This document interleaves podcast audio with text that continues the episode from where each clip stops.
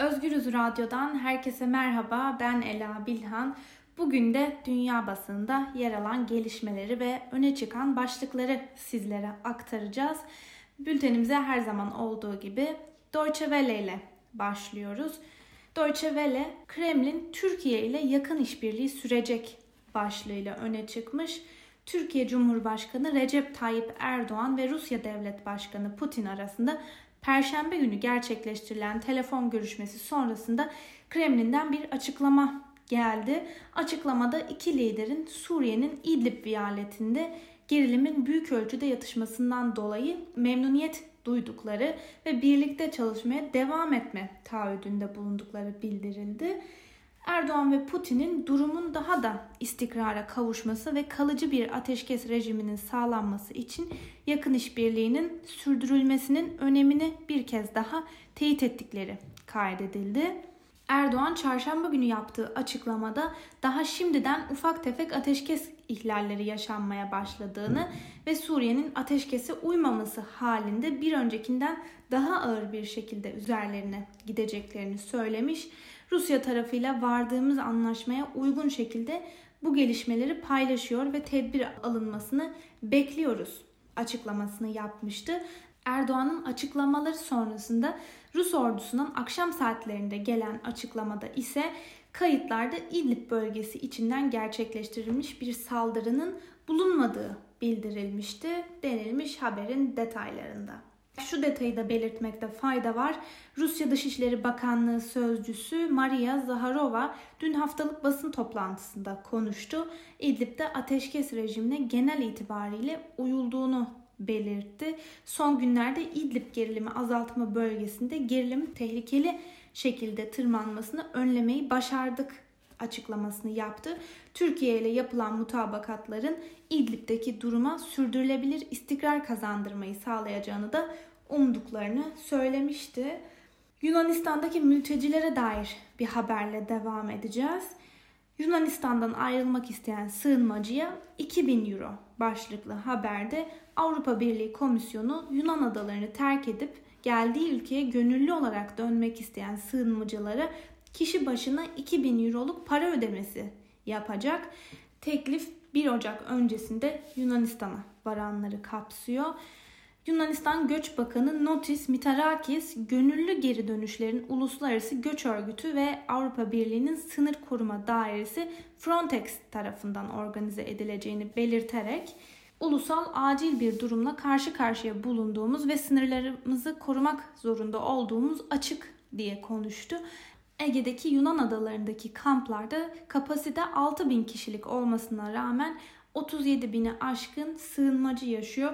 Para teklifi Türkiye'nin 28 Şubat'ta kapıları açması sonrasında Yunanistan'a giden kişileri kapsamayacak denilmiş. Yunanistan son akım karşısında Nisan'a kadar iltica başvurusu hakkını da askıya aldığını duyurmuştu denilmiş haberin detaylarında. Sırada Almanya'dan bir haber var. Almanya'da son zamanlarda Halle ve Hanau kentindeki saldırılarında bulunduğu pek çok olay yaşanmış ve soruşturmalar saldırıların ırkçı terör saldırıları olduğu ortaya çıkmıştı. İslam ve göç karşıtı AFD'nin Flügel kanadı izlenecek başlıklı bir haber paylaşılmış Deutsche Welle'de.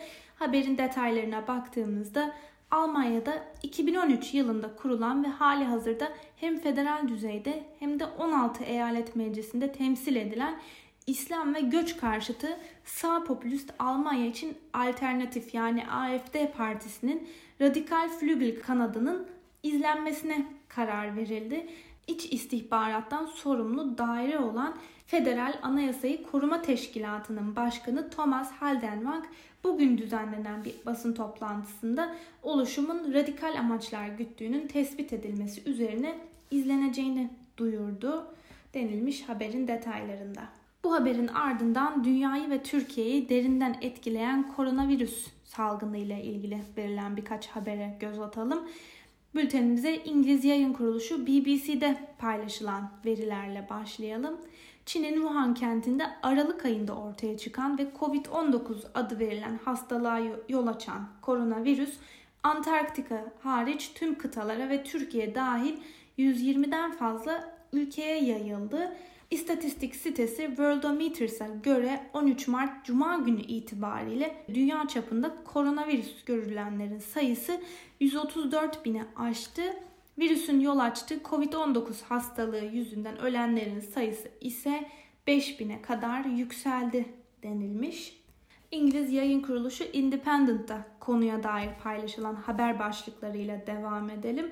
Kanada Başbakanı eşiyle birlikte kendini karantinaya aldı. Eşinde bazı semptomlar görüldü. İran koronavirüsle mücadele için ABD yaptırımlarının kaldırılmasını istedi. ABD'de üst düzey koronavirüs önlemi Beyaz Saray, Kongre ve Pentagon ziyaretçilere kapandı. Çekya'da koronavirüs nedeniyle o hal ilan edildi. Çin'den koronavirüs açıklaması salgını Wuhan'a getiren ABD ordusu olabilir. Irak'ta koronavirüs nedeniyle camilerde cuma namazları kılınmayacak. Merkel'den koronavirüse karşı mücadele çağrısı bu bizim için de bilinmeyen bir sınama. Merkel dinamik bir salgın ile uğraştıklarını ifade ederek enfekte olmuş insan sayısı çok hızlı artıyor dedi. Öte yandan Robert Koch Enstitüsü tarafından yapılan açıklamada Almanya'da koronavirüs vaka sayısının 2369 olduğu ifade edildi. İtalya'da koronavirüs nedeniyle ölenlerin sayısı ise 1016'ya yükseldi. İngiliz The Guardian'da koronavirüs ile ilgili paylaşılan birkaç haber başlığını da sizlere aktaralım. İngiltere'de şimdiden 10 bin kişide koronavirüs olabilir. Avrupa'da okullar kapatılıyor. Çin medyasına dayandırılan haberde Çin devlet kaynaklarında ilk koronavirüs vakasının 17 Kasım'da ortaya çıktığı tespit edildi. Bu da yetkililerin açıklamasından haftalar önce denilmiş. The Telegraph'ta verilen iki başlık var. Yapılan bilimsel bir araştırma koronavirüsün ortalama 18 günde öldürdüğünü tespit etti. Boris Johnson açıklamasında İngiltere'de birçok insan koronavirüs yüzünden sevdiklerini kaybedecek dedi. Çin medyasından Global Times gazetesinde yer alan bir haberi de sizlere aktaralım. Çin hükümetinin sağlık danışmanı Zhong Nanshan yeni tip koronavirüs salgınının Haziran ayı itibariyle sona erebileceğini söyledi. Fransız Le Monde gazetesi Fransız Cumhurbaşkanı Emmanuel Macron pazartesi gününden itibaren okulların da e, okulların kapatılması da dahil olmak üzere çeşitli önlemlerin alındığını belirtmiş. Suudi yayın kuruluşu Al Arabiya ise Suudi Arabistan düğün salonları ve otellerdeki etkinlikleri askıya aldı başlığıyla öne çıkmış. Bu sabah saatlerinde paylaşılan haberde ülkede 17 yeni koronavirüs vakasının tespit edildiği ve böylece sayının 62'ye yükseldiği belirtilmiş. Dünya piyasalarında koronavirüs salgınının neden olduğu panik sürerken seyahat kısıtlamaları da borsayı vurdu. Virüsün borsalar üzerindeki etkisine de kısaca göz atalım. BBC'de konuya dair verilen haberde ABD Başkanı Donald Trump'ın koronavirüsün yayılmasını önlemek amacıyla Avrupa anakarasından ülkeye seyahatleri kısıtlamasından hemen sonra hem Avrupa hem de ABD borsalarında önemli düşüşler oldu. ABD'de ise sabah saatlerinde hem S&P 500 endeksi hem de Dow Jones endeksinde %7 düşüş olunca bu hafta ikinci kez alış ve satışlar 15 dakikalığına otomatik olarak durdu. ABD ve İngiltere'de borsaların dün 1987'deki kara pazartesiden bu yana en büyük günlük kaybı yaşamasının ardından Asya piyasaları da güne sert bir düşüşle başladı. Japonya'da Tokyo borsasında Nikkei endeksinin %7 düşmesinin ardından borsalarda işlemler 20 dakika boyunca durduruldu. Günün ilk saatlerinde borsalarda düşüş oranı Avustralya'da %7, Yeni Zelanda'da ise %8 oldu. Reuters haber ajansına konuşan Sydney merkezli borsa şirketi Comsec'ten James Tao piyasalarda korku ve panik havası var açıklamasını yaptı. Fransız haber ajansı AFP ise bazı uzmanların Asya piyasalarındaki keskin düşüşte ABD Başkanı Donald Trump'ın Tokyo'da bu yaz yapılacak olimpiyat oyunlarının ertelenebileceğini söylemesinin de etkili olmuş olabileceğini düşündüklerini aktardı. Rus basından Sputnik Haber Ajansı'yla devam edelim bültenimize. Bildiğiniz üzere dünya genelinde koronavirüse bağlı ham petrol talebi olumsuz etkilenmişti. Geçen hafta yapılan OPEC toplantısında Rusya ve Suudi Arabistan arasında petrol üretimini azaltma konusunda bir anlaşmazlık yaşanmıştı. Anlaşmazlık sonucunda Suudi Arabistan üretimi arttırıp fiyatı indirmeye karar verdi ve alınan kararlar dünya petrol fiyatlarının çökmesine yol açmıştı. Konuya dair taraflardan her gün aslında yeni açıklamalar geliyor. Rusya'dan gelen e, bir açıklama var. Sputnik'te yer alan Peskov, Suudi Arabistan'la petrol fiyatı savaşı yaşanmıyor başlıklı haberde. Kremlin sözcüsü Dimitri Peskov, Riyad'ın özellikle Rusya'ya karşı fiyat savaşı yürütüldüğüne dair haberleri yalanladığını anımsatmak isterim. Tüm OPEC Plus ülkeleri mevcut duruma farklı şekilde hazırlansalar da şu anda aynı gemide bulunuyorlar. Petrol ve enerji ürünlerinin fiyatlarının belirgin şekilde düşmesine neden olan bir dizi faktör var açıklamasını yaptı. Bloomberg'de konuya dair yeni bir gelişmeden bahsedilmiş. Onu da sizlere aktaralım.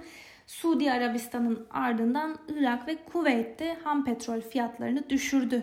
Başlıklı haberinde Suudi Arabistan Avrupa'ya Rusya'nınkinden çok daha ucuza 3 kat daha fazla ham petrol sevkiyatı yapmaya hazır. Suudi Arabistan Hollanda'ya varili yaklaşık 25 dolardan e, petrol teklif ediyor. Irak ve Kuveyt'in de Suudi Arabistan'ı izleyerek Nisan ayında ham petrol fiyatlarını düşürme kararı aldığı belirtiliyor.